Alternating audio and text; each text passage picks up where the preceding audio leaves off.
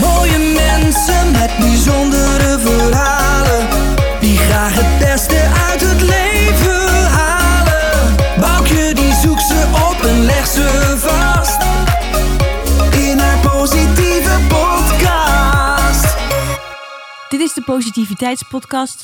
Mijn naam is Boukje Jongendijk en mijn gast van vandaag is Arend van Wassenaar. Arend heeft mij al vele jaren geleden geïnspireerd in mijn eh, vorige werk als advocaat en omgevingsmanager bij grote bouwprojecten. En ik vind het ontzettend leuk om vandaag zijn verhaal met jullie te delen, om ook positiviteit is vanuit een hele andere invalshoek te belichten. Arend, voormalig advocaat, strateeg en auteur van een heel prachtig boek, houdt zich al eh, hele lange tijd bezig, heel enthousiast en bevlogen met het voorkomen van geschillen, dus het voorkomen van ruzie bij grote bouwprojecten. Hij probeert partijen bij elkaar te brengen, ook rekening te houden met ieders belangen en eh, zo tot een succesvol project te komen. Het mooie in deze podcast is dat hij terugblikt naar het moment van 1988 waarin hij kennis maakt met onderhandelen. Hij ging toen in Harvard een prachtige opleiding volgen tot onderhandelen volgens de Harvard-methode bij de bekende Roger Fisher, degene die op dat moment helemaal daar eh, specialist in was. Ik neem je heel graag mee op zijn eh, mooie pad, eh, wat vervolgens tot zijn bijzondere carrière leidde. En hier is Arend van Wassenaar. Goedemorgen, Arend. Hi, Wat leuk dat jij de moeite hebt genomen om eh, ons te bezoeken in Oosterhout. ik heb er enorm veel zin in, Boukje. Ik ook. en je bent ook een podcastmaker, dus je weet hoe het is. Absoluut. Oké. Ehm, ik wil even aan de luisteraar ook vertellen hoe ik eh, op jou ben gekomen, hoe ik jou een beetje ken. Ehm, ik heb zelf eh, aan het project Sluiskiltunnel gewerkt. En dat was een project waarin we een tunnel maakten onder het kanaal van Gent naar Terneuzen. En eh, op een gegeven moment hadden we ook eh, een advocaat nodig. En toen kwam jouw naam voorbij. En toen hebben we tijdens het proces hele mooie afspraken gemaakt tussen de bouwer en de opdrachtgever. Dat waren wij in dat geval. En toen heb jij eigenlijk een soort, nou ja, ik noem dat even win-win overeenkomsten gemaakt om bepaalde periodes tijdens het hele grote bouwproces af te sluiten. Nou, zo kwam je op mijn pad, ook al gewoon van horen zeggen. Ehm, een paar jaar later, toen eh, was ik eh, in Madrid voor de Vereniging voor Bouwrechtadvocaten. Gingen we daar eh, allemaal mooie cursussen volgen. Toen kwam jij als spreker. En toen had je een heel erg vlammend verhaal over hoe je ook heel positief kan staan in het recht. En hoe je ook geschillen kan voorkomen. En hoe je van tevoren allemaal dingen met elkaar kan regelen. Dat heeft mij altijd heel erg aangesproken. En ik denk dat een heleboel van die dingen ook gewoon in het gewone leven heel interessant kunnen zijn voor mensen. En eh, vandaar dat ik jou heel graag heb uitgenodigd. Nou, een enorme eer, uh, Boukje. Dankjewel. Ehm ik zal even eh, ja, kort een paar dingen van jou noemen die ik weet. Ik weet dat je heel lang eh, bouwadvocaat bent geweest bij grote kantoren. Volgens mij zo'n 33 jaar lang. ja, dat klopt. Dat je arbiter bent, dat je plaatsvervangend raadsheer bent, dat je mediator bent. Dat is allemaal waar. Ja, verschrikkelijk veel. Een zeer indrukwekkend cv. Ook allerlei bestuursfuncties. Maar ik zou het ook heel leuk vinden als je ons wat over jezelf ook... Want er is natuurlijk meer dan jouw professionele bestaan. Of je ons iets wil vertellen van hoe je als persoon bent. Nou, wat een, eh, wat een leuk idee. Eh, ik geloof eigenlijk dat mijn persoon zo langzamerhand steeds meer samenvalt met, eh, met mijn werk. Maar ik probeer dat een beetje uit te leggen. Wat ik, eh, ik kom uit een gezin met vier kinderen. Mijn vader was jurist. En om die reden wilde ik overigens nooit jurist worden. Dus ik heb eerst medicijnen gestudeerd. En ehm, na drie jaar bleek toch eigenlijk dat ik eh, dat maar beter niet kon vervolgen om allerlei redenen. Maar, eh, en mijn grootvader zat, was ook rechter, of in de Hoge Raad zat hij. En ik had een hele juridische familie met heel veel gesprekken altijd aan tafel over recht en onrecht en afweging en twijfel en allemaal van dat soort dingen meer. Dus ik ben met heel veel twijfel, eh, of in ieder geval afweging, zeg maar, eh, opgegroeid. Vond je dat lastig, ook als kind? Of vond je het juist wel verruimend? Ehm, nou, ik, toen op dat moment had ik daar niet zo'n oordeel over of het nou lastig of verruimend was. Het, het was gewoon vaak zoals het was. En bijvoorbeeld dan kwam mijn grootvader het weekend eten en die had dan een casus en die vertelde daarover en dan gingen wij dan over meedenken. En later laten ze dat misschien wel terug in de arrest van de Hoge Raad, dat weet ik niet. Maar het Kozoen dus volksempvinden. Maar ehm, toen ik dus rechten ging studeren, dat deed ik omdat ik niet wist wat ik wilde worden. En Ik hetzelfde. ja, precies. En toen later ben ik advocaat geworden, ook omdat ik niet wist wat ik wilde worden. Ik dacht dan, nou, daar kom ik dan vanzelf al achter. En over drie jaar ga ik wel weer weg, maar ik bleef hangen. En ik werd nou, vrij kort, ik zat toen bij Houthof. Eh, na een jaar of drie kwam ik in de bouwrechtpraktijk terecht. Wat met Ruud Post, en die helaas is overleden vorig jaar. En Jan-Mark Dingemans. En nou, het was echt een hele leuke tijd. We waren vooral bezig met arbitrages en met geschillen die moesten worden opgelost. En traden eigenlijk vooral op voor aannemers die allemaal onheus bejegend werden door hun opdrachtgevers. Door Rijkswaterstaat bijvoorbeeld. Dus dat was een, een beetje een vechtpraktijk, zeg maar. Maar ehm, na een paar jaar werd ik uitgezonden naar Boston, waar Houthof een samenwerkingsverband had met een ander kantoor. En toen ben ik daar bij Harvard een negotiation workshop gaan volgen met Roger Fisher, die de auteur is van Getting to Yes Without Giving In. Ja, is dat ook van de Harvard-methode? Nou, dat is dus eigenlijk ja, Ja. de grondlegger van de. Harvard-methode, maar wist ik veel. Ik bedoel, het was gewoon een hele mooie workshop. En Mhm. dat was toen nog niet zo bekend als het nu dan is.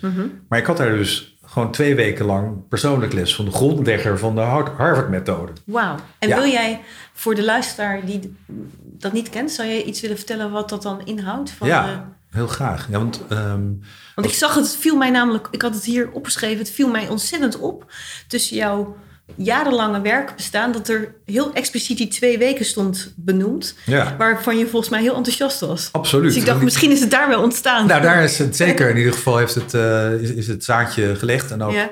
meteen, en dat heeft me ook direct, wat ik altijd zeg, ongeschikt gemaakt als advocaat. Maar goed, dat heb ik allemaal weten te verbergen, want ik ben nog heel lang advocaat gebleven. Maar nou, de Harvard-methode van Roger Fisher en William Ury, die komt eigenlijk hierop neer. Dat eh, als mensen ruzie over, ergens over hebben, dan gaat het er vaak om wie heeft gelijk. En elkaar kunnen ze dan niet overtuigen.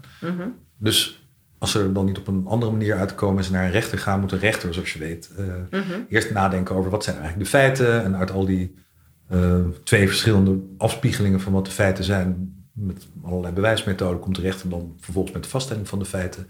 En past daar dan vervolgens de recht op toe. En slechts zelden is het zo dat beide partijen daar gelukkig over zijn. Dan wint er een, of verliest er een, of allebei verliezen of allebei winnen. Maar het is nooit, het, het is niet optimaal. Nee, je hebt sowieso een winnaar en een verliezer. Ja. ja dus, eh, En het is ook altijd beperkt door de omvang van het geschil, zoals dat door advocaten dan wordt voorgelegd. Maar de Harvard-methode die heeft een hele andere benadering. Die zegt, kijk nou ook eens naar de achterliggende belangen.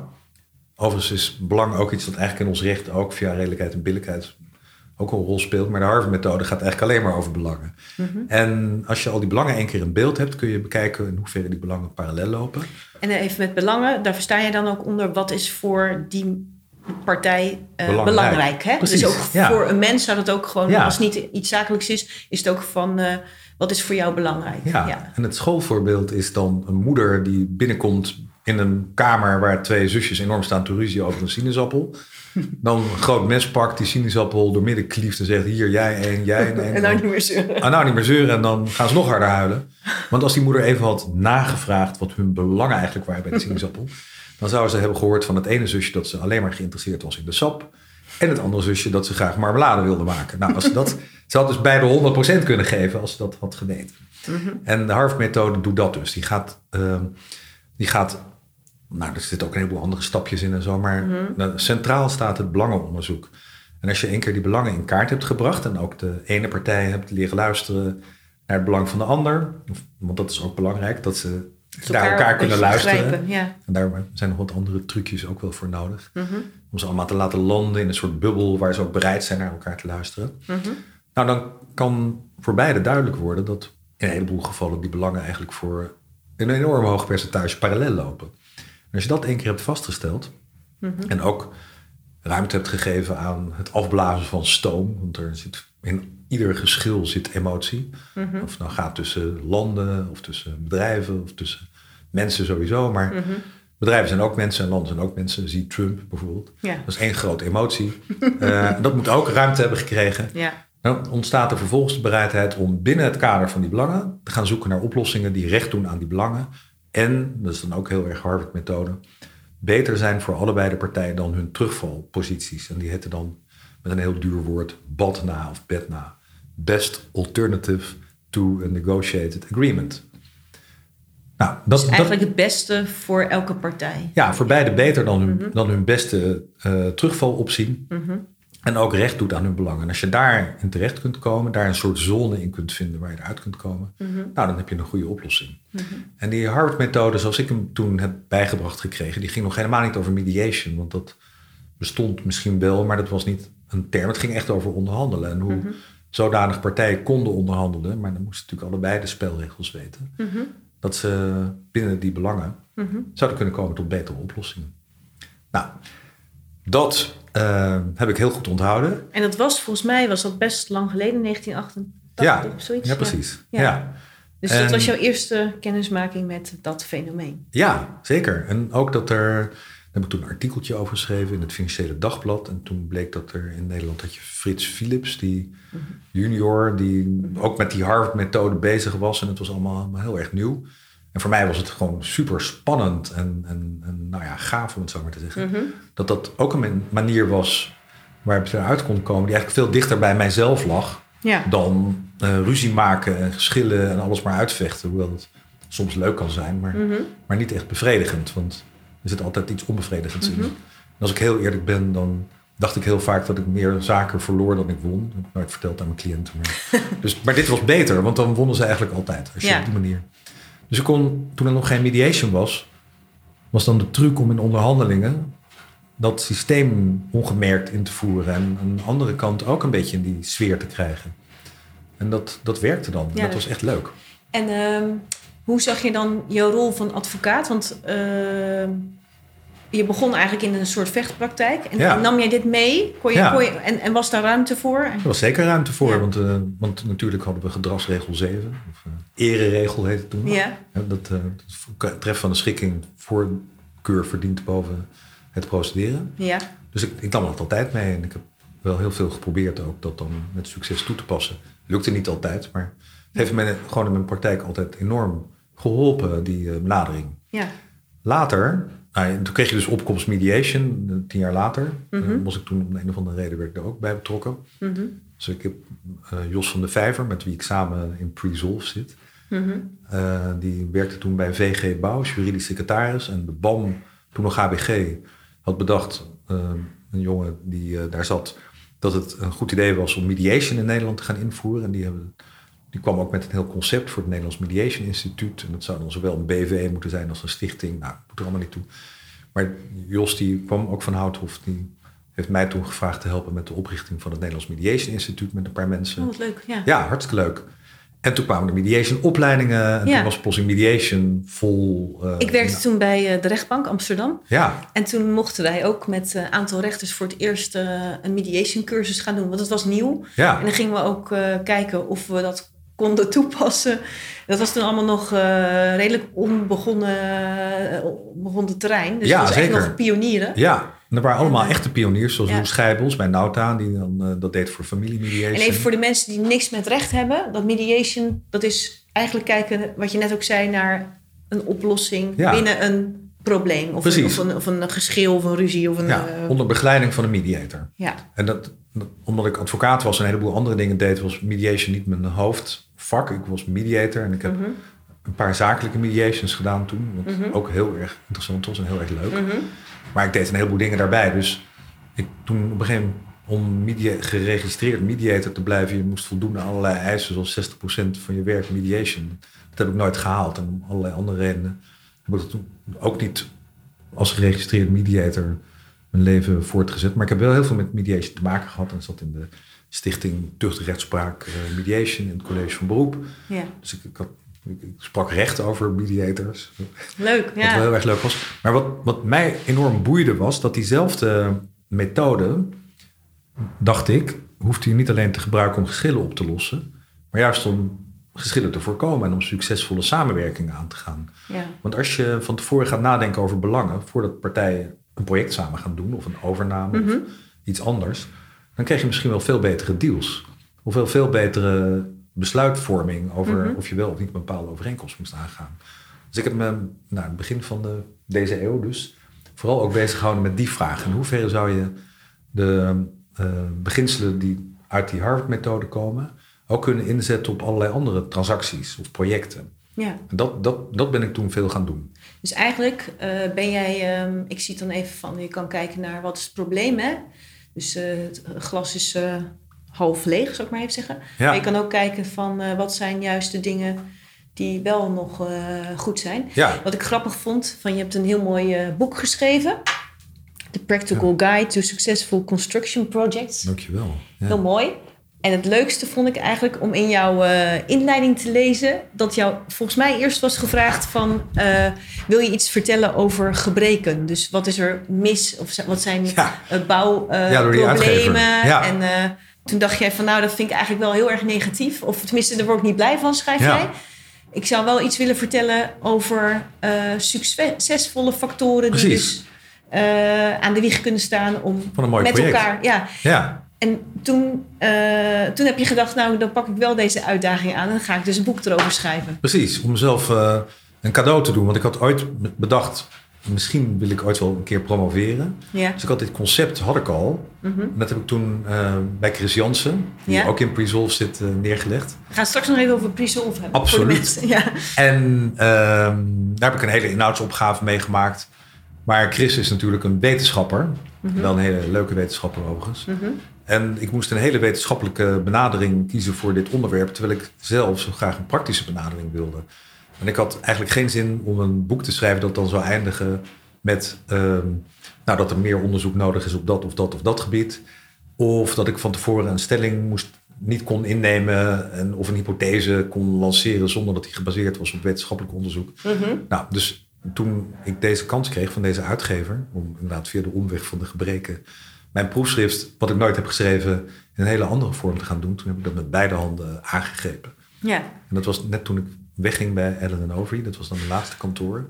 Omdat ik 60 werd en dan moet je daar weg als partner. Oké.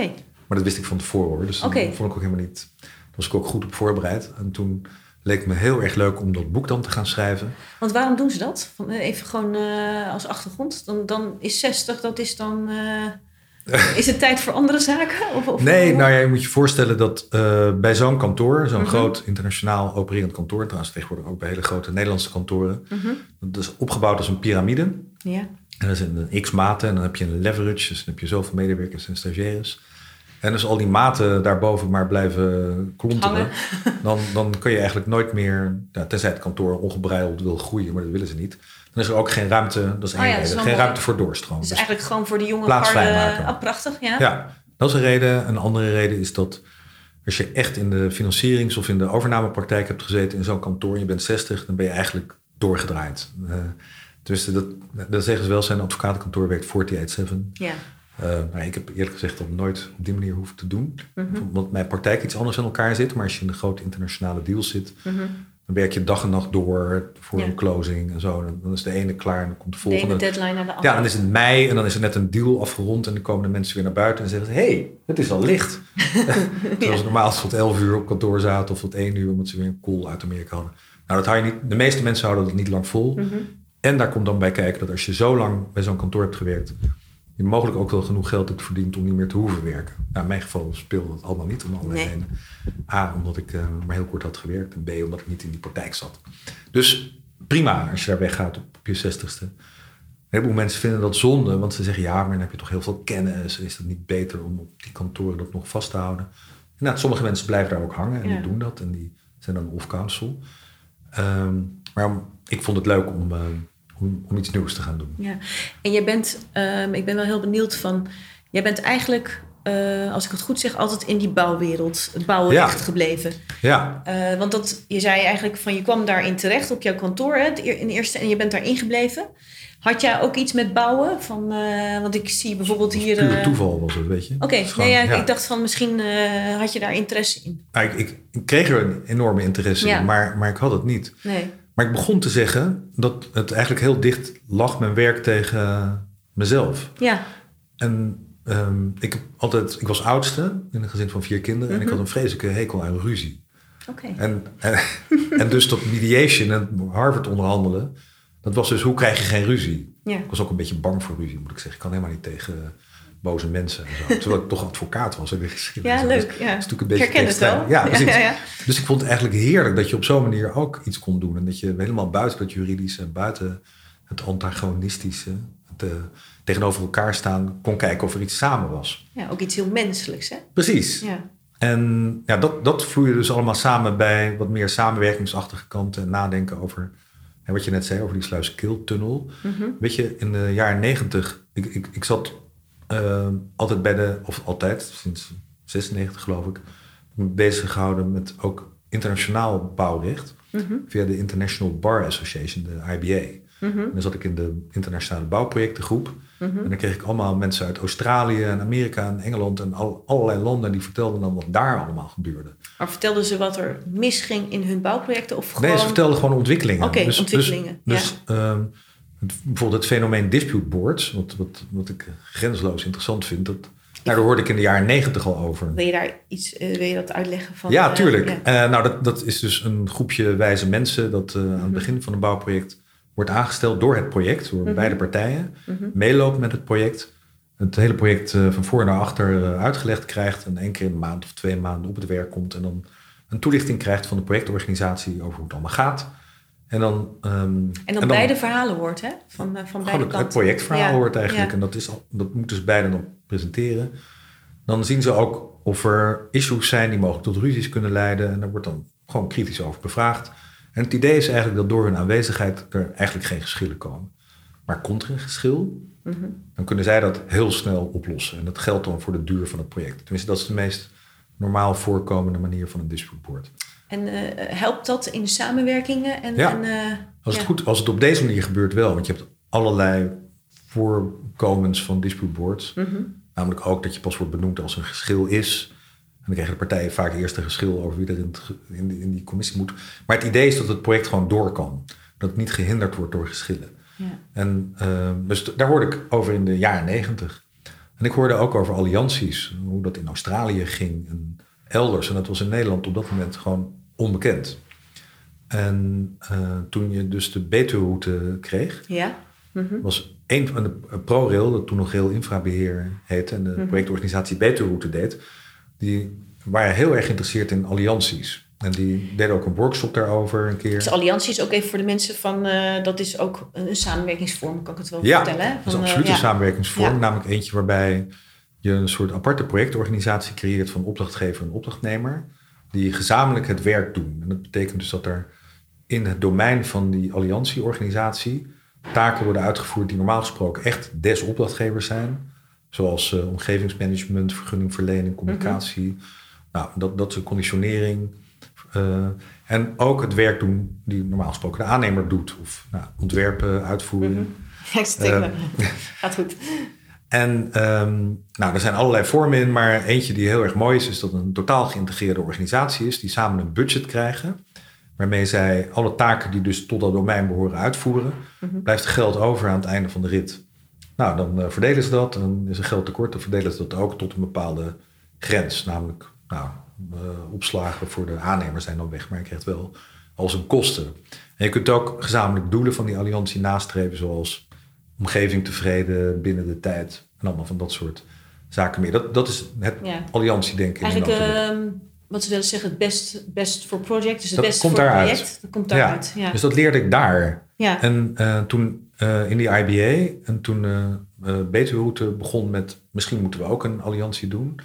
Toen Mhm. kwam er dus een alliantie, bij Mhm. toeval. Want het was een aanbesteed project volgens eh, DNC, dus Design Construct. Mhm. Beterroute 1, 2 heette dat, Sliedrecht Gorkum.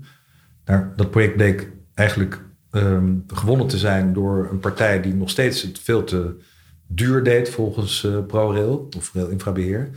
Maar toen zei die aannemer, een combinatie waar Heijmans in zat en Stoeton in zat en ehm Boscalis in zat. En ehm, die, die zeiden, maar het, het is zo duur omdat jullie gewoon hele zware eisen hebben. Dus als we daar nou eens naar gaan kijken, kan het misschien ook goedkoper. Want die dijkhoogte van 2,20 meter, waarom is dat niet 1,80 meter zoals de rest van Nederland? Mhm. En zo kunnen we nog wel wat eh, dingen bijstellen.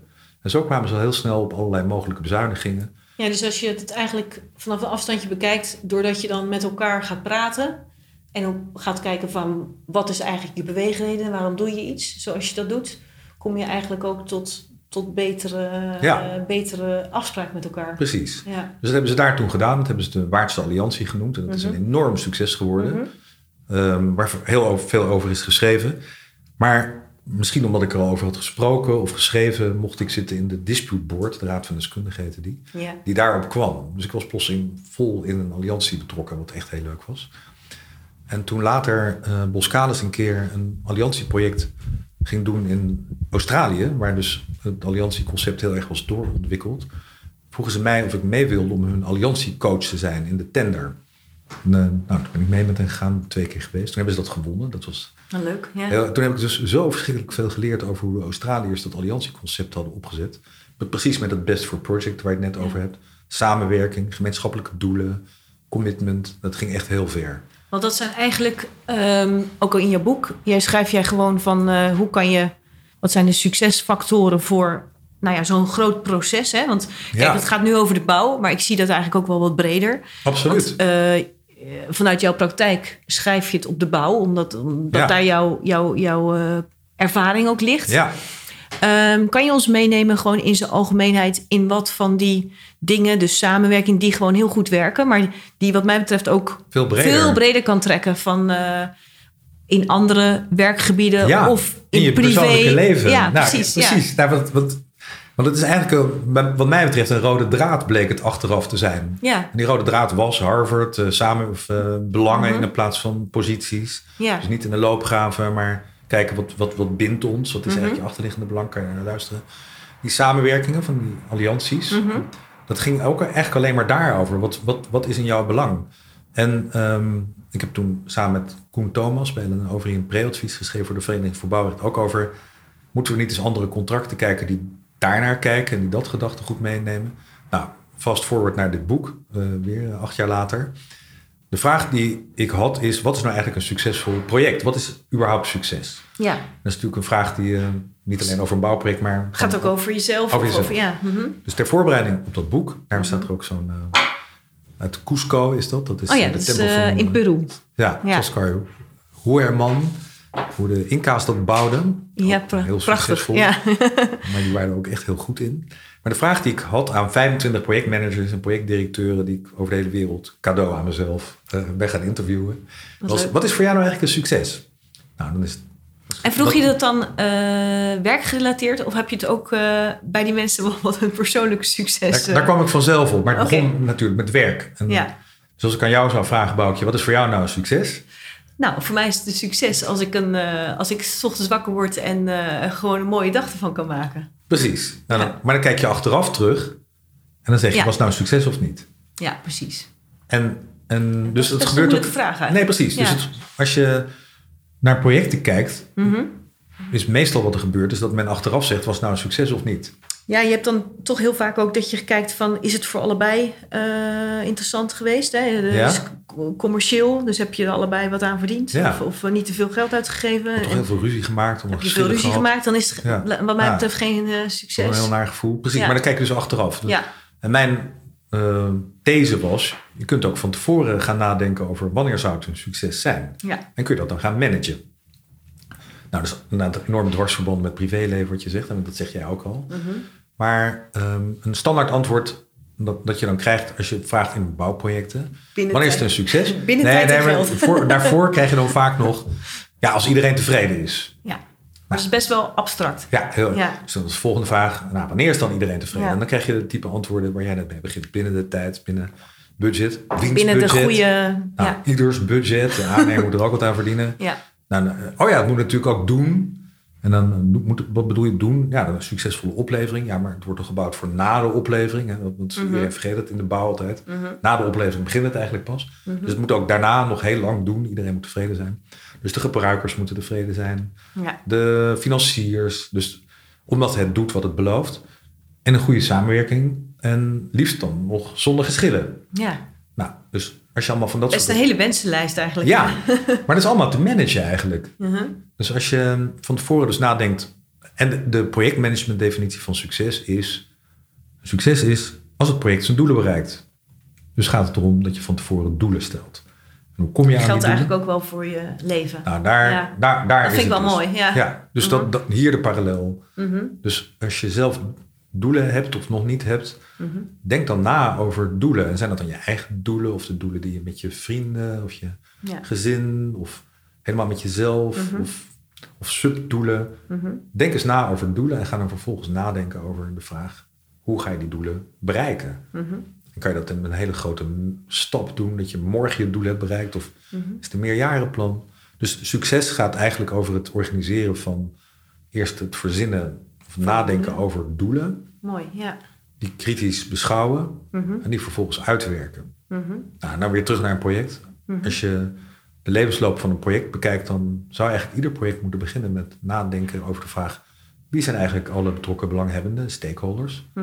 Dus de initiatiefnemer, de eventuele gebruikers, de omgevingen, de Ja. mensen die betrokken gaan worden bij het realiseren ervan, wie zijn dat? En als je daar nou zou kunnen nadenken over de gemeenschappelijke doelen, wat voor projectdoelen heb je dan? Nou, dan kom je in mijn bouwproject alweer gauw, waar we net over hadden, tijd, geld, kwaliteit. Hmm. Maar, ook, over stakeholders ja, tevreden. omgeving en eh, Ja, en- omgevingsmanagement. Ja. Ja. en dat is echt wel een verschil met ehm, een jaar of 15 geleden. Want toen Koen en ik dat boek schreven eh, voor de Vereniging voor Bouwrecht, Mhm. waren we er ook aangekomen. Dat noemden we zelfs de mantra. Ja. En onze bevinding was dat er toch niemand kon zeggen dat er een tegengesteld belang zou zijn in die doelen. Dus als je op een heel hoog niveau op gemeenschappelijke doelen zou komen, ja. Nou, dan vindt eigenlijk iedereen het goed. wat, ja. wat is er dan nog mis eigenlijk? Ja. Mhm. Maar, nou, ik had nu over. Tegenwoordig zeggen we alle stakeholders tevreden. En toen zeiden we nog zo min mogelijk hinder aan stakeholders. Dus dat was nog een beetje. Mhm. Dat is nog een nuancering, ja. Maar tegenwoordig dat. bedoel, ik bedoel, Het is niet zo dat ik dat zeg, maar dat is tegenwoordig gewoon het mantra. Mhm. In allerlei projecten en overal. Dat je moet kijken wie zijn eigenlijk de omgeving. Als je kijkt naar de nieuwe omgevingswet. Mhm. Die ken jij dan vast wel weer beter Ja, dan ik. nou, ja, maar er is ook heel veel ben- participatie met je Publieksparticipatie, omgeving. Ja. dat, is daar, dat is daar standaard in. Ja. En dat gaat daarover. En dat is wel helemaal nieuw, want het wordt nu verplicht gesteld. Ja. Het was voorheen, eh, inderdaad, is het erin gegroeid. Ja, Het is ook wel eh, de weg die jij beschrijft, eh, vond ik zelf persoonlijk ook een hele fijne weg. Want ik was ook niet zo van de, het procederen. Ik ben zo wel op, ja, tenminste, zo is wel mijn opleiding gestart. Met, ja eh, tuurlijk. huppakee, dagvaarding Ja. dit en dat. Echt schijntje. Maar nee, dat, dat deed ik dan niet, maar dat was niet mijn rechtsgebied. Maar ik vind het ook wel mooi als je gewoon eh, iets, iets moeilijks met elkaar moet doen. Dat je gaat kijken van eh, waar zitten dan de kansen. En niet Ja. zozeer van de ruzies.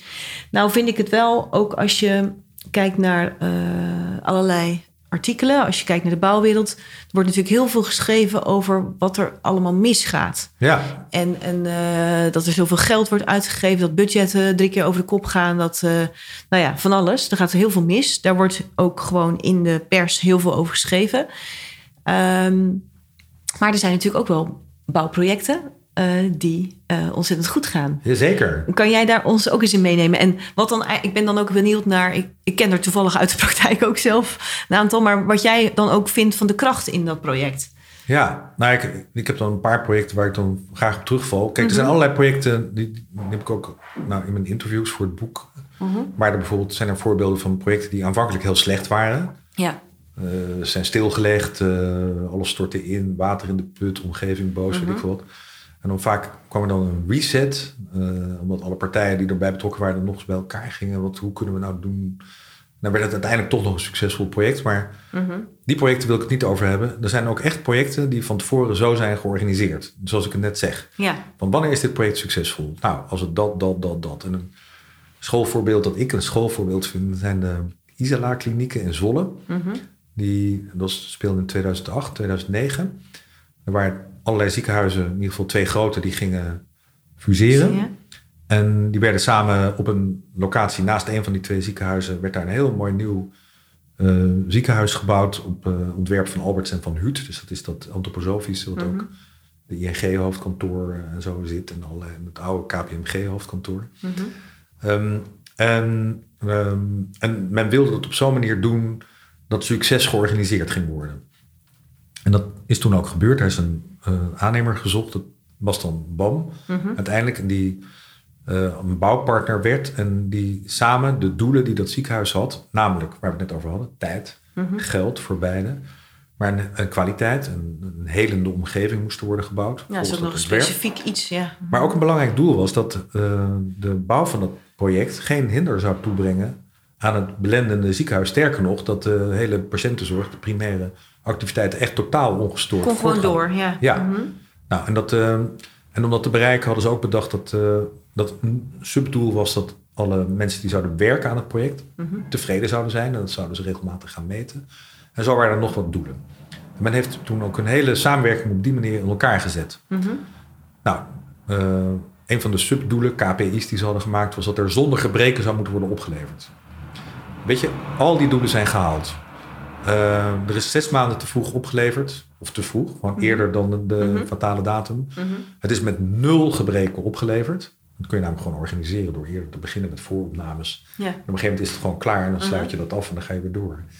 Maar wat ook heel geestig was, was die eh, ongestoorde omge- eh, omgeving, zeg maar, Mhm. ten opzichte van het Jozef ziekenhuis was dat, geloof ik. En het verhaal van de bouwdirecteur Paul Smaling was dat een paar maanden na de ceremoniële eerste paal de medische staf bij hem op bezoek kwam. Want die hadden grote zorgen over de voortgang van het ziekenhuis. Mhm. Drie maanden geleden, Paul, hebben we hier de eerste paal, paal gehad. Ja. En daarna is er niks meer gebeurd. Zo zei Paul, is er niks meer gebeurd. nou, kijk eens uit het raam. Kijk, kijk naar al die honderden buispalen die gewoon in de grond zitten. Maar daar hebben we niks van gemerkt. ja, ja, maar dat was ook de bedoeling. Ja, ja, Nou, dat is mooi, dus hè? Dat, ja. En dat vind ik gewoon een heel prachtig voorbeeld van een eh, succesvol project. Ja, dat is heel mooi. Dat is echt heel mooi. Van, eh, En als je kijkt naar ehm, in zijn algemeenheid, jou- jouw visie op de bouw van, van eh, nu en de komende jaren, wat, wat, wat denk je wat we kunnen tegenkomen? Ehm, nou, ehm, er wordt natuurlijk heel veel gesproken over twee-fase aanpak. eh, waardoor aannemers weer meer betrokken raken bij de ontwerpfase. Ehm, er zijn allerlei, er komt een nieuwe UAVGC, hè, de, standaard voor eh, design en beeld. Dus Ehm, nieuwe regels eigenlijk. nieuwe regels. Ja. Mhm. Maar eh, wat, wat ik eh, denk is dat er nou, een paar dingen. Er wordt toch nog te weinig gekeken naar doelen. En ik vind dat men voordat je een project begint echt heel scherp die doelen en dan ook naar gezamenlijkheid ervan moet kijken. Mhm. Want pas als je dat doet, kun je eigenlijk een project met zo min mogelijk problemen eh, gaan, gaan ontwikkelen en uitvoeren. Mhm. Ehm, of misschien zelfs op een, in een vroeg stadium tot de conclusie komen dat zoals het nu bedacht is, het eigenlijk niet kan. Want het kan ook een wijs besluit zijn. Dat Mhm. het project eigenlijk niet kan op de manier zoals men dat Ja. Dat, denkt. je iets, dat je iets anders moet gaan doen. ja, Gaan we of weg, even ja. weer terug moet naar de tekentafel. En Mhm. terwijl het nog op de tekentafel ligt en dat dan toch zo verder ontwikkelen dat het wel kan volgens de doelen. Mhm. En soms denkt men al heel vaak in oplossingen. En zit men al de oplossing uit te werken, terwijl de oorspronkelijke vraagstelling eigenlijk achteraf anders blijkt te zijn. Mhm. Omdat er gegevens nog ontbraken of omdat men niet doorhad dat er nou, een andere norm zou gaan gelden voor bezetting. Of ja, door COVID bijvoorbeeld, dat eh, nu Ja. ook gaat leiden tot hele andere dingen. Daar kan natuurlijk helemaal niks aan doen. Mhm. Dus ehm, het, het zou belangrijk zijn als er ter, in voorbereiding van bouwprojecten heel erg wordt gekeken naar het ontwikkelen van de juiste vraag.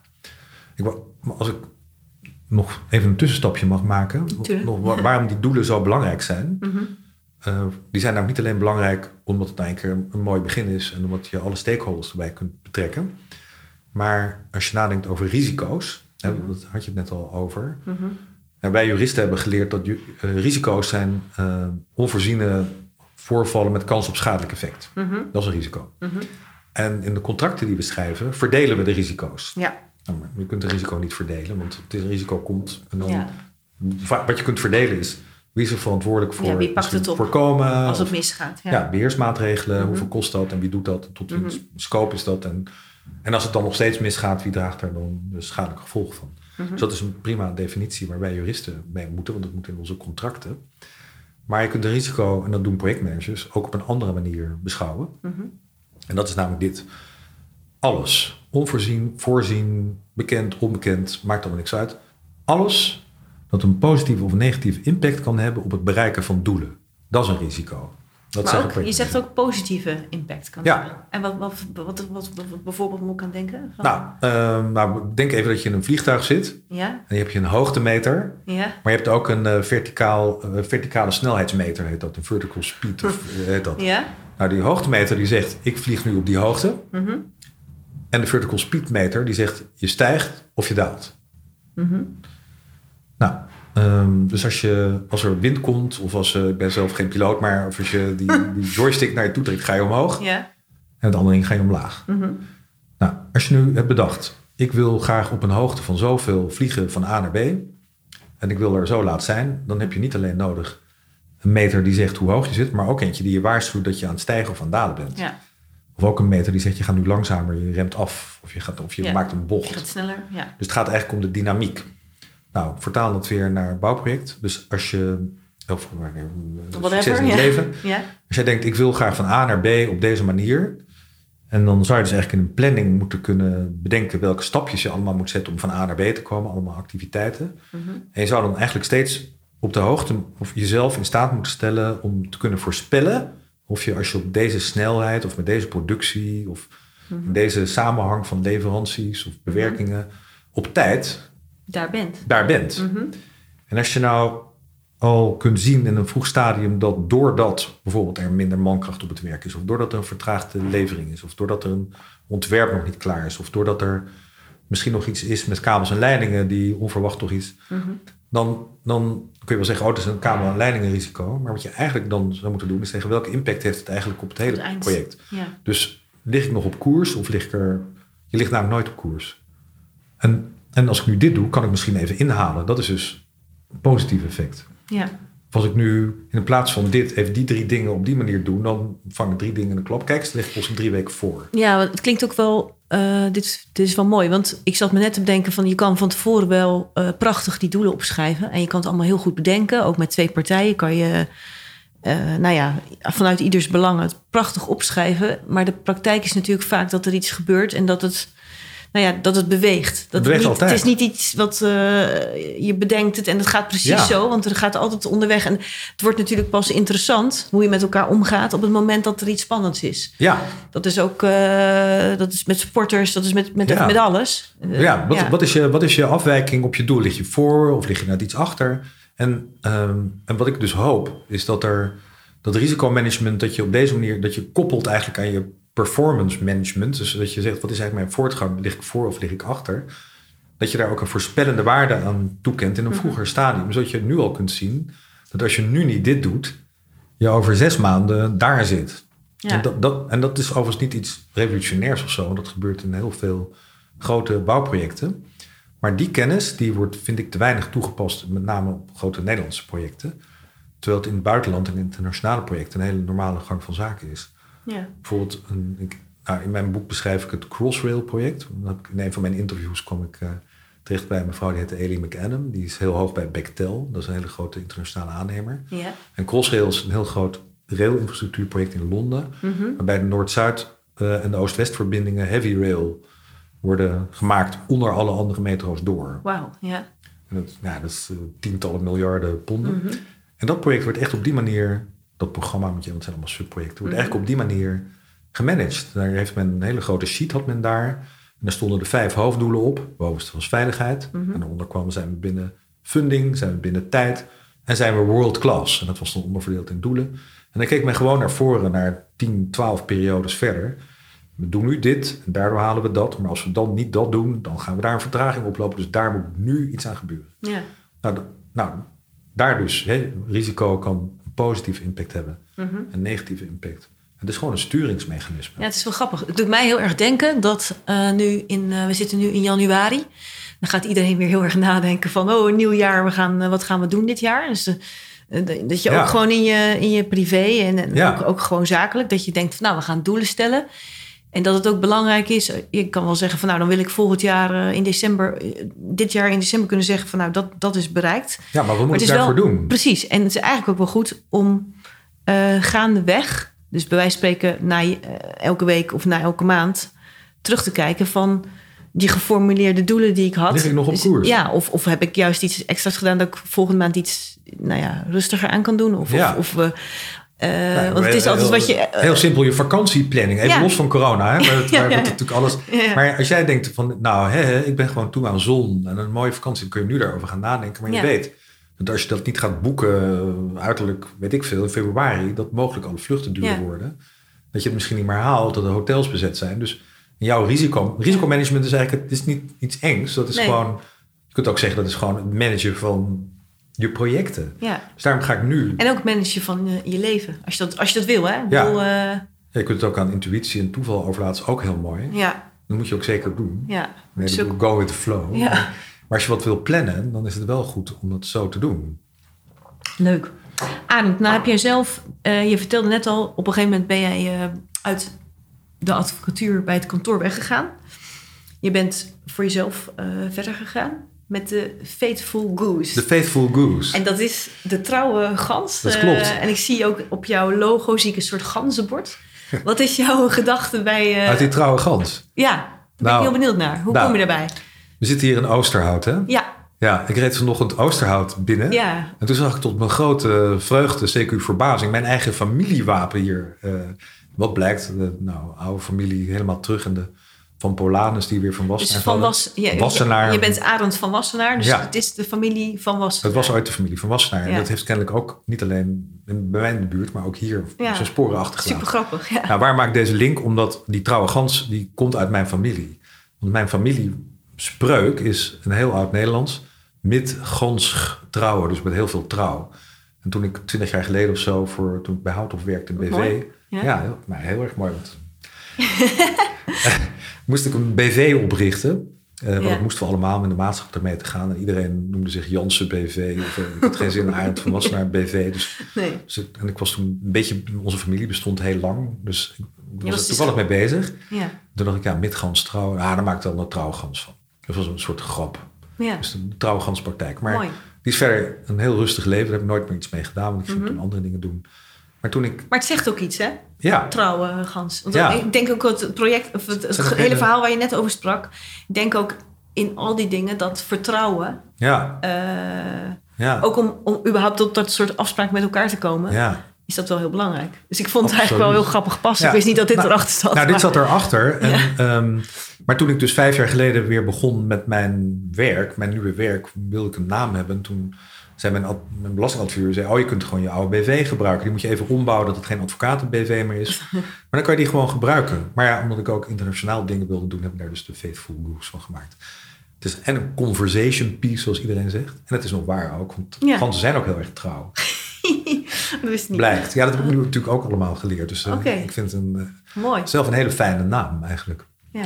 Maar je hebt het over vertrouwen, hè? want je vroeg net, ehm Boukje, wat is er eigenlijk nodig in Nederland, hè? Mhm. in de bouw dan vooral, maar eh, om, om nou, ja, dingen goed te laten gaan. Mhm. En dat is natuurlijk vertrouwen, eh, maar ja, dat is een soort enorm abstract begrip. ja. En wat is dat? Kun je dat eten vertrouwen? Ja. Of, eh, En moet je dat zomaar aannemen? eh, En, ja, is dat iets wat je verdient, de- te voet komt en te paard weer vertrekt en zo. Maar wat, wat is het? En vertrouwen, ehm, misschien, misschien is het wel leuk om ehm, even een andere invalshoek hier te kiezen. mhm, Want eh, toen ik mijn boek aan het schrijven was, wat eigenlijk een enorme ontdekkingsreis was dat. mhm. En ik wilde het hebben over samenwerking en over risicomanagement en over mensen. Want Ja. daar ging het Dat eigenlijk schrijf je over. ook, hè? Van Ja. mens, de mens. Nou ja, de, de vraag was dus steeds, Mhm. eh, wat is nou een succesvol project? Een project dat zijn doelen haalt. Nou, wat zijn die doelen dan? En dan heb je dan, als je je doelen hebt gesteld, een succesvol project. Ben je dan blij, ja. Wat is daar de belangrijkste succesfactor voor? Nou, dan zei iedereen, iedereen over de hele wereld, nee, dat zijn de mensen. En als mensen niet kunnen samenwerken en als mensen dat niet kunnen, natuurlijk vaktechnisch allemaal goed, maar vooral de samenwerking, hoe doe je dat? Mhm. Dan heb je niks. En dat gaat boven contracten uit, want dan kun je alles in opschrijven. Maar uiteindelijk gaat het om de mensen zelf. Je kunt een heel slecht contract met een waardeloos project eh, toch nog heel goed krijgen met de goede mensen. En andersom kun je een heel goed project met een heel, goed contract ook waardeloos laten verpesten met eh, naar niet samenwerkende mensen. Nou, op, in mijn boek, toen ik aan de juridische hoofdstuk, heel kort hoofdstukje, contracting is of secondary concern, zeiden de mensen met wie ik sprak. Dat is allemaal een beetje juristen, het is allemaal wel, maar even op afstand graag. Mhm. Maar daar moest ik ook iets over schrijven. En toen, toevallig net op dat moment had eh, een, onder meer een eh, Engelsman die op Harvard dan weer les gaf, Oliver Hart, Mhm. had de Nobelprijs gekregen voor economie. En zijn onderwerp was de Theory of Contract. Dus ik dacht, hé, hey, wat grappig, een econoom, Theory of Contract, wat is dat Mhm. dan? En hij had heel veel onderzoek gedaan naar incentives. En hoe En- een contract, Dus beloningen, ja. beloningen Ja. en hoe die wel of niet een prikkel konden opleveren om uiteindelijk doelen te bereiken. Want daar ging het om. Mhm. Nou, nou, dat allemaal heel erg interessant. Maar toen ik laatst weer dus me afvroeg hoe gaat het toch met Oliver Hart, bleek hij inmiddels ook heel veel te hebben gepubliceerd en onderzocht op het gebied van incomplete contracts. Hij zegt, zijn stelling is. Dus dat bedoel je mee ehm, een contract wat niet, uh, ja, wat niet waterdicht is? Zou ik dat zo? Nou, sterker nog, er is geen enkel contract waterdicht. Dus je kunt zo'n dik contract maken of zo'n dun. Maar is, contracten zijn per definitie incompleet. Ja. Om allerlei redenen, om verschillende percepties die je hebt. Bij, hè, dat weten wij als juristen. Dat iedereen denkt, nou, ik lees het zo of ik lees het zo. Ja. Maar, uh, Mhm. maar ook omdat een contract niet iedere situatie die zich kan voordoen, waar we het net over hadden, Mhm. van kan voorzien. Dus je kan er ook niet. Dus zegt Oliver Hart, omdat het zo is, heb je andere dingen nodig. De leading principles noemt hij dat. En als je die hebt, dan kun je de noodzakelijke incompleetheid kun je overbruggen. Dat heb je echt nodig. En eh, wat zijn dan leading principles? Hij zegt, dan moet je denken aan loyalty. Ja. Ja, trouwens. Eh, of eh, eh, equity noemt hij dat dan als econoom. Ehm, en, en dat zijn Eh, dus je- dingen die je die niet wil- in een contract staan. ja, equity, hoe kunnen we die mooi vertalen? Nou, eh, gelijkheid, ja, redelijkheid, billijkheid. Ja. Billijkheid is eigenlijk de beste. Dus dat soort beginselen, en Mhm. je kunt het noemen zoals je wil, maar dat, dat soort dingen die overstijgen boven het contract. Eigenlijk zachte, Ja. zachte waarden, Maar gaat hij dan in zijn verhaal verder, die zijn eigenlijk keihard. En dat bewijst hij dan met economische modellen, die, waarvan hij zelf, hij zegt ook eh, QED, quod eral demonstrandum, betekent dat Mhm. geloof ik. Eh, maar die, de loyalty vult hij een lambda voor in, in zijn formules. Mhm. En hij laat dan zien dat als die lambda precies in het midden zit tussen de verhoudingen van de beide partijen in dit geval, dat je dan het economisch optimum bereikt.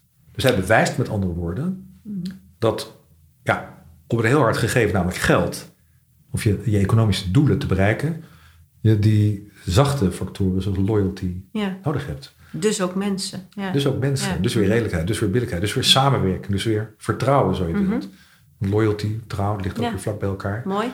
Ja, dus nou ja, helemaal terug eh, naar eh Roger Fisher Mhm. over zijn mediation en zijn belangen. Dat heeft allemaal, het is allemaal hetzelfde. Ja, het is ook wel heel leuk dat jij eh, eigenlijk dan in een vroeg... Nou als, we, als we dan even dat punt van 1988 pakken... Waar je dat ontdekte, of in ieder geval er warm van werd. Zo Ja. even zo, dat je nu al heel veel jaren op hele verschillende posten ermee bezig bent en steeds en weer iets altijd ontdekt. weer op hetzelfde terugkomt. Ja, en eigenlijk is het ook wel mooi, want het zijn gewoon eh, ook hele menselijke waarden. Ja, En die eigenlijk in die knalharde wereld, eh, Ja. tenminste, dat is het wel. Ja. eh, dus, dus heel erg belangrijk zijn. ja veel belangrijker Ja, dan, dan je denkt. Hè? Want ik doe nu nog heel veel zakelijke dan mediation-achtige dingen. Dat, Ik zeg achtig, omdat het niet altijd strikt mediation is. Mhm.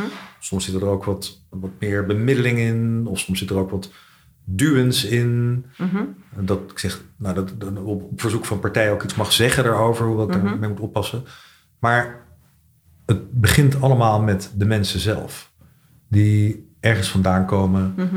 een hobby hebben, eh, een zieke vrouw thuis of man thuis hebben.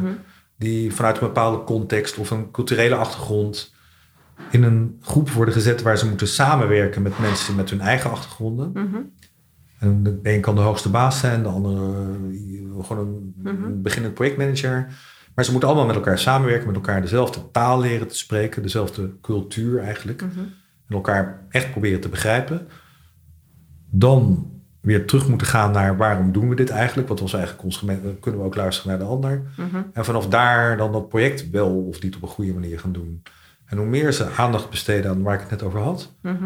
en makkelijk en hoe meer ze ook tegen elkaar uitspreken dat ze toch een belangrijk doel is, dat ze ook trots willen zijn. ja, dat is ook mooi. Dat ze Ja. samen dingen willen vieren daarin. Mhm. En dat ook voornemen en dat ook echt als onderdeel van hun succesprogramma ook gaan managen.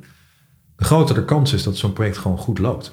Ja. En niet uit ontspoort of eh, op het moment dat er iets ontstaat, niet direct iets heel naars gebeurt, maar dat ze met elkaar gaan overleggen.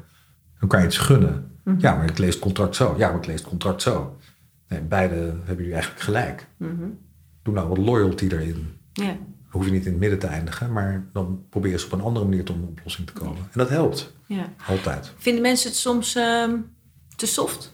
Als je met dit soort dingen... eh, Nou, er zijn steeds minder mensen die dat soft vinden. ja, want het is wel een... eh, Ja. een- het is wat mij betreft een hele positieve tendens... dat dat gewoon nu wordt meegenomen in al die dingen. Ja, Maar eh, Nou ja, kijk, want eh, dit, dit alles wil dus niet zeggen dat je niet hard contractmanagement moet doen.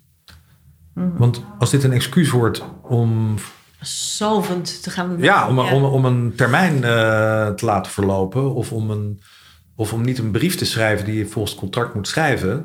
Hè, want er zijn een heleboel contracten die zeggen... Bijvoorbeeld FIDIC, hè, die internationale contracten. Die zeggen, als jij een, denkt een vordering te hebben op de ander... dan moet je binnen zoveel dagen vertellen dat je dat hebt. En ook vertellen waarom je dat hebt. En nou, de ander daarvan in kennis stellen. Doe je dat niet op tijd, dan verlies je al je rechten. Dat kan je nooit meer claimen. Dan denk je, hoe, hoe, hoe harde regel. Maar die regel is er niet voor niets. Want die regel die zegt eigenlijk dat je elkaar moet informeren. En als je elkaar informeert, kan de ander reageren. Die kan dan bijvoorbeeld niet, hoeft niet, het gaat niet om ik geef je gelijk of ongelijk. Nee, als hij niet weet, kan hij ook niet. Nee, dan kan hij ook niet zeggen: Oh jeetje, nu dat speelt, is best een probleem. Ja. Ik zie dat ook. Uh, misschien uh, moeten we even nu iets gaan wijzigen in het project. Ja. En door om die mogelijkheid te ontnemen, kan je later dan niet zeggen: Ja, nu is de claim uh, 100 miljoen. Nee. Terwijl als je het vorig jaar had gezegd, samen naar een oplossing misschien had kunnen streven die niet 100 miljoen, maar 3 miljoen had gekost. Die andere partij zo had betaald, plus nog een paar aanpassingen. En het was allemaal goed gegaan. Ja. En daar gaat het om, communicatie. Ja. Maar je had, uh, daar schrijf ik ook over in mijn boek, een Amerikaanse hele beroemde honkballer, Yogi Berra. Oké. Dat is ja. een Amerikaanse kruif. uh, kruif met zijn uh, nou, voor, voordelen en nadelen en zo. Maar Berra die had Berra-isms. Zoals bijvoorbeeld it ain't over till it's over. Ja. Maar een van zijn beroemdste die ik dan heel erg mooi vind. En dan voor dit onderwerp gaat het over. Dat hij een, uh, de, de weg uitlegde aan een vriend van hem. Uh, naar, naar zijn huisje in het bos. If you come to a fork in the road, take it. Ja, want dat is eigenlijk jouw mooie spreuk, hè? Precies. Daar breng ik het nu Ja, ook bij. gaaf. Ja, ja, ja. Maar die, en die gaat dus alleen over, ja, hoe kan je nou een fork tekenen? Maar ik, ik pas hem dus hierop toe voor mezelf in gedachten. Ja.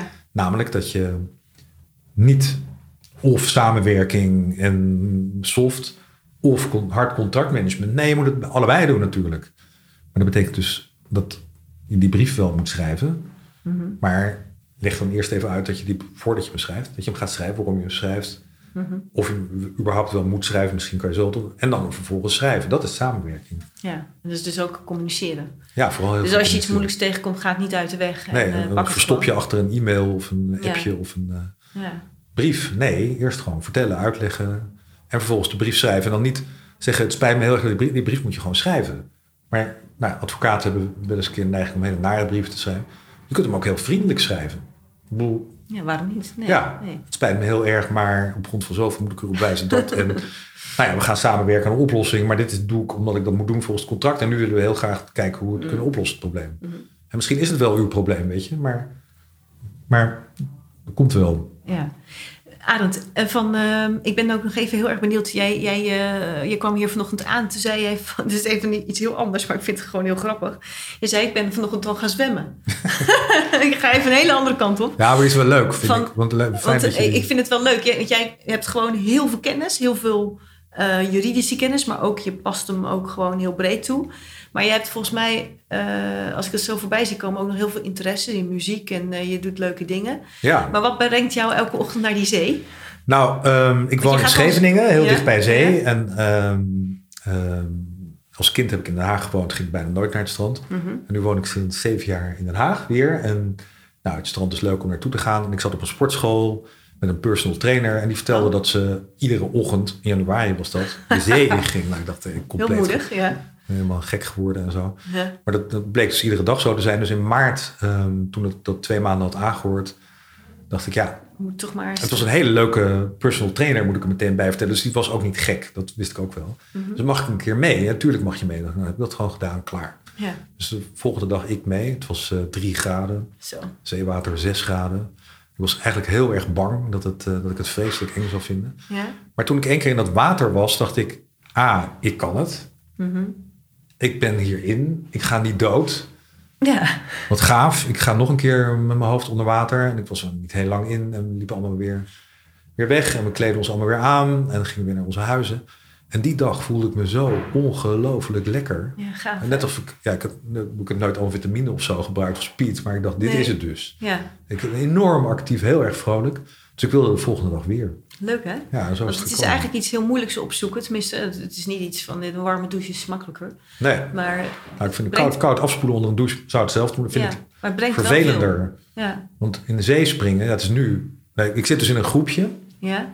Ehm, er zijn heel veel, in Den Haag heb je heel veel grote appgroep. Die heet de IJsberen en de Zeehonden. Er zitten Oh, geinig. 150 mensen in. Ja. Die maken allemaal afspraken op locaties met codes. Oh, wat leuk. Ja? En ik zit dan, daar zit ik wel in, maar we hebben inmiddels een groepje dat dan op één bepaald gebiedje het zwarte pad dat dan doet op een bepaalde tijd. En daar zitten dan nu iets van 20 mensen in. Wat leuk. En iedere ochtend, ja, COVID is toch lastig. Mhm. Maar komen we bij elkaar soms met twee mensen. Vanochtend met tien. Leuk. En dan hebben we een soort ritueel. We zijn met honden. Het is echt vroeg, hè, half zeven, Ja, ja. soms zes uur. Ja. In het donker onder de sterren, ondergaande maan. Of storm. Wacht. Bij windkracht 9 doen we niet meer, maar windkracht 8 nog wel. Ja. Regen maakt niks uit. Onweer wel, als het boven ons hoofd is. Lopen we twee kilometer en dan eh, gaan we daar de zee in. Dan hebben we altijd, sommigen hebben eh, thermosflessen met gemberthee. of andere thee. Ja. En dan eh, kleden we ons weer aan en lopen we weer terug. Ja. En, maar het geeft, we proberen elkaar uit te leggen wat het dan met ons doet. Het is voor iedereen iets individueels natuurlijk. Het is, het is een, dan zitten er mensen die echt ook daar zitten omdat ze bijvoorbeeld thuis moeilijk gaat of op hun werk, maar die doen dan dit. Mhm. En het is een soort reset. Een soort, Ja. Sommige mensen een soort hergeboorte iedere Ja. dag. Gaaf, hè? Ja. ja, maar het geeft verschrikkelijk veel energie. Maar jij vertelde me dat jij ook in een... Nou, ik vond het zo leuk, bad. want eh, door de podcast ontmoet je bijzondere mensen. En ik had ook Koen de Jong van Sportrusten. Die hebben ook eh, zo'n hele organisatie. En die doen eh, ja, heel veel ook koude training. En toen, Ja. ja. toen dacht ik, eh, ik vind, als ik die meneer ga spreken, wil ik ook wel eens weten wat het dan is. Dus ik ben dat ook gaan doen.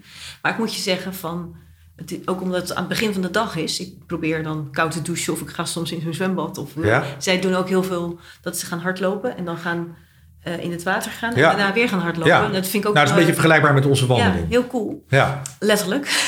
maar eh, cool, ik, vind ja. dat, ja, ik vind dat intrigerend wat dat inderdaad brengt. Van, je gaat toch iets, iets opzoeken wat niet helemaal Ja. aangenaam is. Maar het is wel... ja het is geeft voor waarom, waarom ja. doen we het nou ook weer? Ja. En dan zit je in die zee en denk je, oh ja, dit was het. Ja, Dan kom je eruit en dan rennen we naar onze kleren weer toe. En dan ja. aankleden is wel koud, koude vingers, Ja. nog wel, maar dan die warme thee. ja, Ja, je bent dan helemaal stoer, want je fietst nog naar huis. Maar, maar- Ja. Mijn, mijn vrouw doet het ook trouwens. Ik doe het Leuk. echt niet alleen. En, dat zijn allemaal- en, maar dat geeft natuurlijk wel een hele bijzondere band met een heleboel mensen, moet ik zeggen. Leuk. Ja, en het geeft, wat ik al zei, een enorme kick. En, en soms denk ik wel eens, ik doe het eigenlijk alleen door de week op die, zo vroeg. En in het weekend doe ik het, maar probeer ik het wel nog een keer te doen. Want het is goed combineren met hond uitlaten naar het strand. Ehm, maar als ik het een dag niet heb gedaan, dan voel ik me echt anders. Dus ja, en dan denk ik, hè, wat stom. Ik heb het gewoon niet gedaan vanochtend. Bal. Ja, ja, gek hè? Want het geeft toch gewoon een extra boost. Ja, En toen ik mijn boek schreef, helemaal aan het einde, toen was ik, toen- eh, het was eigenlijk in die periode dat ik dat boek aan het schrijven was. Mhm. Dan moest ik tot twee uur s'nachts door en dan moet ik een deadline halen. En dan ging ik ochtends toch die zee in. Ja. En het gaf me dan weer genoeg kracht om Ja. de deadlines allemaal te halen. ja gaaf hè? Dat is Ja. leuk. Van, eh, ik vind het altijd wel interessant mensen die dan iets zoeken of iets opzoeken wat dan juist een, eh, een gezonde energiebooster is. Is- Enorm. Ja. Het is, het is waan. En dat, nou ja, Wim Hof, hè, dat Ja, is die ja, dat vind ik helemaal geweldig. Ja, Ja, het schijnt je weerstand te verhogen. Er zijn soms mensen die dit doen omdat ze last hebben van reuma. Dat gaat er weer over. Soms is het mensen die kanker hebben of hebben gehad. Ja. Zegt men van dat bepaalde weer in remissie ja, komt. wordt ook steeds meer wetenschappelijk ook. eh, Nou ja, maar nu met die corona zie je, je kunt geen krant openslaan of het nieuwe ANWB-kampioen of het gaat over een zwem in de zee en zo. Ja. Dus tegenwoordig doen ook heel veel het mensen. het. meer, eh, meer gewoon eh, Ja. het worden. Leuk. Maar het is echt, ja, kan het iedereen aanbevelen. En nog even voor jou als, al- in je werk en als mens. eh, wat is je missie? Want je hebt ook Presolve, hè? Een Ja. expertisecentrum voor geschillenbouw, geschillenvrij, Geschillenvrij bouwen. bouwen. Ja, dat is ooit bedacht door Paul Smeets en Huub Sprangers en Jos van de Vijver. En die hebben mij daarbij gehaald. Eh, omdat we allemaal technieken deden. Nou, mediation, bemiddeling, eh dispute board-achtige dingen. Met projecten meelopen. Om te kijken of de geschillen zo die er al kwamen weg konden worden gehouden of snel opgelost. En inmiddels zijn we met z'n negenen. En, ehm, en wat, wat, wat wij doen is proberen alle kennis die er op dat gebied ons bekend is... te verzamelen op onze website, prisolve.info. Ja. Te stoppen, regelmatig te overleggen. En ja, wij, wij willen eigenlijk eh, het primaire aanspreekpunt zijn in Nederland... als het gaat om wat is er allemaal te koop... of wat bestaat er, niet zozeer te koop... op het gebied van eh, geschillenvrij bouwen. Omdat, nou, dat is een van de doelen die je zou moeten hebben op een project. ja. En eh, nou ja, dat, dat, dat gaat Dat vinden in. wij zelf heel leuk. Ja, We houden ons dus ook bezig helemaal aan het begin van een project. Hoe zet je een project zo op dat de kans op geschillen zo klein mogelijk is? Hoe Mhm. zet je samenwerkingen op tussen teams? Mhm. Daar hebben we bijvoorbeeld Marco van Rossum die erin zit, die daar heel Mhm. veel van weet en net een boek heeft geschreven over appreciative inquiry. Heel ingewikkeld, maar dat gaat over bevragen van mensen. Ja. Het, het is op zoek naar, naar waarden, en naar doelen. En verder dispute board-achtige mensen. En, ehm, dus jouw Eh, missie in jouw werk is wel echt je, helemaal op dat, nou ja, dat, dat positieve aspect, want dat Ja. vind ik het. Dus, dus te zorgen van hoe kan je iets realiseren Ja. zonder... Precies. Gedoe. Dat wil niet zeggen dat iedereen blije eikels moet zijn de hele Nee, dag. En zeggen, maar ja. appies en zo. Ha, ha. Nee, Maar nee, dat je gewoon wel professioneel bent. Maar ook inziet dat er... Dat er kansen zijn. ja. En soms gaat het over hele kleine dingen. Dus waar we het net over hadden. Die eh, Yogi Berra, Mhm. Fork in the Road. Eh, dus niet op vrijdag een vervelende brief schrijven. Nee. Eh, dat is gewoon goede manieren. Of maar ma- misschien mag ik die nog even vertellen. Ik doe dus mediations, hè, wat ik zei. Ja, ja. Mhm. En eh, daar heb ik een soort vaste programmaatje voor, dat ik dan Mhm. afwerk en van tevoren helemaal bespreek. En het komt erop neer dat mensen die dat dan gaan doen, eh, eerst gewoon zichzelf behoorlijk voorstellen aan elkaar. Mhm. En niet behoorlijk bedoel ik niet netjes en beleefd, maar dat ze bijvoorbeeld dat ik dan zou vertellen dat ik iedere ochtend in zee zwem. Ja, want dat vind ik ook interessant. Je, Ja. je kijkt dan ook naar de mens erachter. Ja. Wat zijn zijn hobby's? Ja, dan blijkt plotseling eh, iemand die een boeman blijkt te zijn, een soort basket- of, of een korfbalcoach te zijn van allemaal elftallen en heel veel te doen in zijn. Daar vertelt hij dan plotseling over zijn hond of over zijn. Ja, En dan plotseling wordt het gewoon een mens. Dus Ja, dan zitten we allemaal in de bubbel, zijn we allemaal mensen. Nou, dan, ehm, dan een huisregel die ik dan vooraf met hen deel is dat het er niet om gaat dat ik als mediator overtuigd word, want ik ben geen arbiter dan of rechter. mhm. Zij moeten elkaar overtuigen. Dat is, elkaar, dat is niet gelukt. En het gaat vandaag ook niet lukken, want die posities die waren, daar waren ze ingegraven. En dat, dat het er dus om gaat om begrip voor elkaar te gaan krijgen en ook te zien waar de mogelijkheden liggen. Mhm. En het enige instrument dat ze daarvoor hebben is taal. Want anders is er niks op zo'n dag. Mhm. Maar dat kan zijn gesproken taal, lichaamstaal, Lichaamstaal, ja. een eye roll, stil zijn, eh, een rare lichaamsbeweging. Dat, Mhm. dat is het. Nou, en om dan ze een beetje te helpen wennen aan dat idee, heb ik altijd een metafoor die heet kopjes en schoteltjes. Ja? Nou, dan moet je dus voorstellen dat wat we hier, we zitten hier aan een tafel, ja, wat ga je dan doen? koekjes en allemaal voorwerpen. Ja, En dan zeg ik, moet je je eens even voorstellen dat al die voorwerpen die hier op tafel liggen, die staan nu aan deze kant van de tafel. Mhm.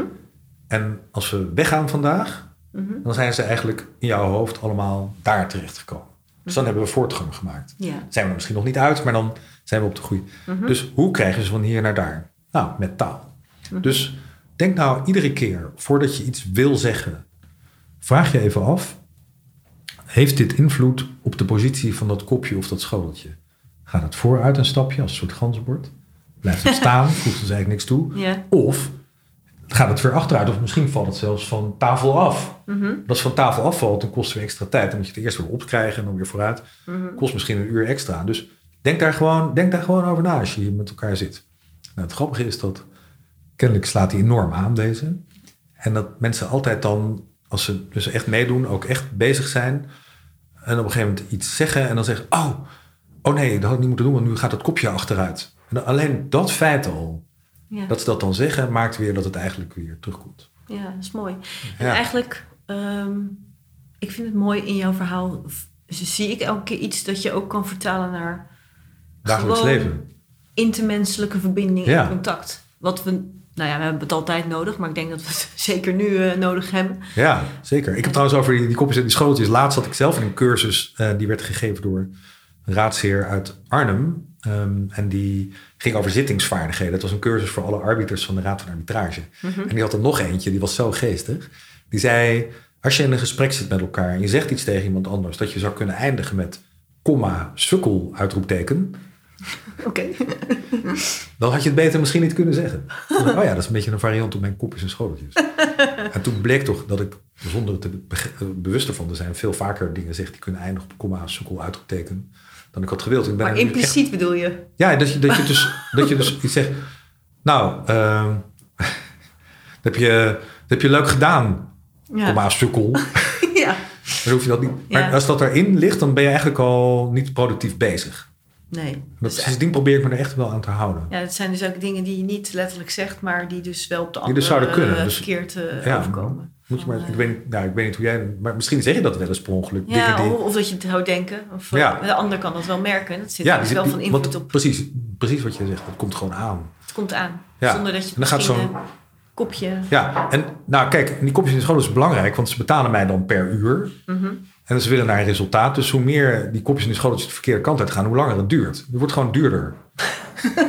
Dat zeg je er ook bij. Nee, dat zeg ik er nu bij, maar dat is natuurlijk wel zo. Ja. En Adam, nog even voor, eh, voor de luisteraars. Van, eh, waar kunnen mensen jou voor benaderen en waar kunnen ze je benaderen? Nou, ehm, ik heb een website www.thefaithfulgoose.com. Ja? Nou, daar vind je al mijn contactgegevens. Mhm. En waar ze mij voor kunnen benaderen, eh, wat ik zelf zeg, is dat ik ehm, probeer projecten die nog misschien nog niet eens zijn, Mhm. maar of die er komen, op zo'n manier te begeleiden dat ze succesvol, dat de kans dat ze succesvol zijn zo groot mogelijk zijn, zonder dat ik zelf verstand heb van techniek of van Mhm. echt projectmanagement. En dat doe ik door ze bijvoorbeeld te helpen helemaal aan het begin na te denken over hun projectdoelen. Mhm. En over de strategieën die ze daarbij kunnen ontwikkelen om die projectdoelen te verwezenlijken. Want dat, dat zijn allemaal verschillende strategieën. Ehm, en dat hoeven niet per se te zijn eh, bouwprojecten, ICT-projecten, andere Oké, projecten. dus veel breder dan ja, nou. ja, ja. Oké, Want dat, je kunt het op zoveel dingen Ja, ja. toepassen. dat denk ik ook. Maar, Ja, en, maar als het dan gaat over echte geschillen voorkomen... En verder kunnen ze me dan helpen bij het opzetten van samenwerkingssessies. Ja? Dus aan het begin, wat, wat is er voor nodig? Wat moeten we gaan doen? Welke Mhm. afspraken maken we? Mhm. Wat zijn onze guiding principles? Hoe gaan we de loyalty en equity erin brengen van Mhm. Oliver Hart? Daar geef ik allemaal trainingen in. Begeleid ik eh, partijen. En dat is echt niet noodzakelijk bij bouwprojecten. Ik heb bijvoorbeeld nog even naar die doelen. Ik, ik heb bijvoorbeeld voor RVO, eh, de Rijksdienst voor Ondernemend Nederland, Ja? hele le- mooie projecten mogen doen in Mexico en in Egypte. Waarbij er projecten waren met een Nederlands belang. Toevallig eh, kustprojecten. Ja? Waarbij de lokale overheden geholpen moesten worden met het nadenken over hoe kunnen we dit probleem in een project vertalen. Dus met alle stakeholders gesproken en het hen uiteindelijk laten zeggen. En zo hopelijk het begin als een start kunnen helpen maken voor nou, kustbescherming in eh, Quintana Roo in Oh. Mexico. Ja? Mhm. Of eh, het water, of het hoogwaterbeschermingsprogramma van Port Said helpen opzetten. Maar dat ging allemaal op basis van dezezelfde technieken. Principes, ja. Ja. Mhm. En verder projecten, tijdens de projecten, hoe houden ze geschillen vrij? Dus dispute board, mediation, bemiddeling, meelopen, reflectie, ja. allerlei dingen. Leuk. Daarvoor kunnen ze me ook bereiken. En dat is dan, dan heb ik iets meer verstand van bouw dan van andere disciplines. Ja, maar goed, je, je, kan, je kan het breed toepassen. En, uiteindelijk ben ik ook arbiter bij de Raad, wat je al zei, en het NAI en het ICC. Ja, ja, ja. Ja. En dan even nog, eh, want je bent een podcast begonnen. Ja, Wanneer, wanneer ben je begonnen? nou die is van Presolve, die Ja. podcast. Die heet Bouwen met Vertrouwen. Daar hebben we nu drie uitzendingen van gehad. En hopelijk binnenkort de vierde met Paul Jansen over de Rotterdamse baan waar Ah. aan hebt gewerkt. Leuk, leuk. Ja, Want wat, wat is je, wat, welke kant ga je op met de podcast? Wat, wat, ga, je, wat ga je de mensen... eh, Nou, wat ik al zei, het is niet alleen van mij, hè, maar ik ben toevallig vier keer of drie keer in beeld geweest en de vierde keer weer. Nou, de, de bedoeling van de podcast is, het heet dus bouwen met vertrouwen. ja? De eerste ging over de zienswijze methode van Presolve. Die, eh, nou, dat is een methode die we hebben doorontwikkeld en die je kunt inzetten op projecten Mhm. om zo snel mogelijk een probleem weer opgelost te krijgen. Maar het gaat echt, al je podcasts gaan in ieder geval over de bouwwereld. Ja. En, en eh, Ja, Eh, de, de tweede en de derde podcast die gingen over mensen in Presolve die bijzondere verhalen hebben. Dus de tweede ging over Paul Smeets, ons een van onze oprichters, die leuk. ooit ja. aannemer was in Maastricht, maar toen in zijn bouwbedrijf te maken kreeg met de neerstortende balkons en alle Oh, ellende ja, ja. daarover. En naar aanleiding daarvan uiteindelijk heeft bedacht, weet je, ik moet gewoon geen aannemer meer zijn. Maar ik wil me bezighouden met het oplossen van bouwconflicten. Mooi, En ja. dat heel ja, succesvol een mooi verhaal, ja. Ja, en de derde ging over Nico de Vries, de Ja. oud-CEO van BAM, die ook eh, lid is van Presolve. Die zijn hele verhaal vertelde en een visie gaf over nou ja, wat bouwgeschillen, samenwerking, dat thema waar we het vandaag over hebben gehad. En de vierde zal gaan met Paul Jansen, de Rotterdamse baan, die dan zijn hele verhaal mag vertellen wat zijn succesfactoren zijn. Ja, leuk. Echt. Ja, hartstikke want leuk. daar hebben we ook, eh, dat is ook een project waar ik dan in heb mogen werken. Daar hebben we ook gewoon een heel goed team. Ja. eh, heel goed, goede samenwerking, goed met de omgeving. en met Ellen ten Damme. Ellen ten Damme, onze Wat? beschermvrouw. Ja, precies. En die ook al heeft opgetreden in Ja, de ja, ja, omgeving. ja, ja, ja, ja. Ontzettend Ja, mooi verhaal. geweldig. Ja. Nou, ik dank je heel hartelijk voor dit eh, mooie gesprek. Ik wens je heel veel succes met alle dingen waar je mee bezig bent. Eh, ik blijf je graag volgen. Wij zullen ook eh, op de website even al deze informatiebronnen weergeven. En uh, superleuk dat je naar Oosthout bent gekomen. Dankjewel, Boukje. Ik vond het heel erg leuk. Tot gauw. Om, dankjewel dat je mij hebt uitgekozen om deze prachtige positiviteitspodcast-serie van jou en van jullie Dankjewel. mogen optreden. Dankjewel. Dankjewel, Arend. Leuk. Arend, dankjewel voor je komst naar Oosterhout en je mooie gesprek. En beste luisteraar, leuk dat je weer de podcast hebt beluisterd deze week. Ik zal nog even de titel van Arends mooie boek uh, noemen. Dat is A Practical Guide to Successful Construction Projects. Dus mocht je juridisch of bouwkundig geïnteresseerd zijn... of anderszins geïnteresseerd zijn hoe partijen tot succesvolle volle projecten kunnen komen... dan is het een prachtig boek. Um, dreigt je eigen project gigantisch uit de klauwen te lopen en uh, vliegt men elkaar in de haren. Denk er dan ook eens aan om de trouwe gans in te roepen. Dat kan je natuurlijk ook doen voordat je een project begint. Hè? Dat je de problemen aan de voorkant uh, ziet te voorkomen. En dat je Arend als stratege uh, bij je project betrekt. Ga dan naar zijn website thefaithfulgoose.com. Verder hebben we het gehad over Presolve. Die website is te vinden op presolve.info. En je kan via alle bekende podcastkanalen ook de leuke podcast van Presolve beluisteren. En die heet Bouwen met Vertrouwen. Hartelijk bedankt voor het luisteren nogmaals. Heel graag tot over twee weken. En een hele fijne dag gewenst. Tot ziens!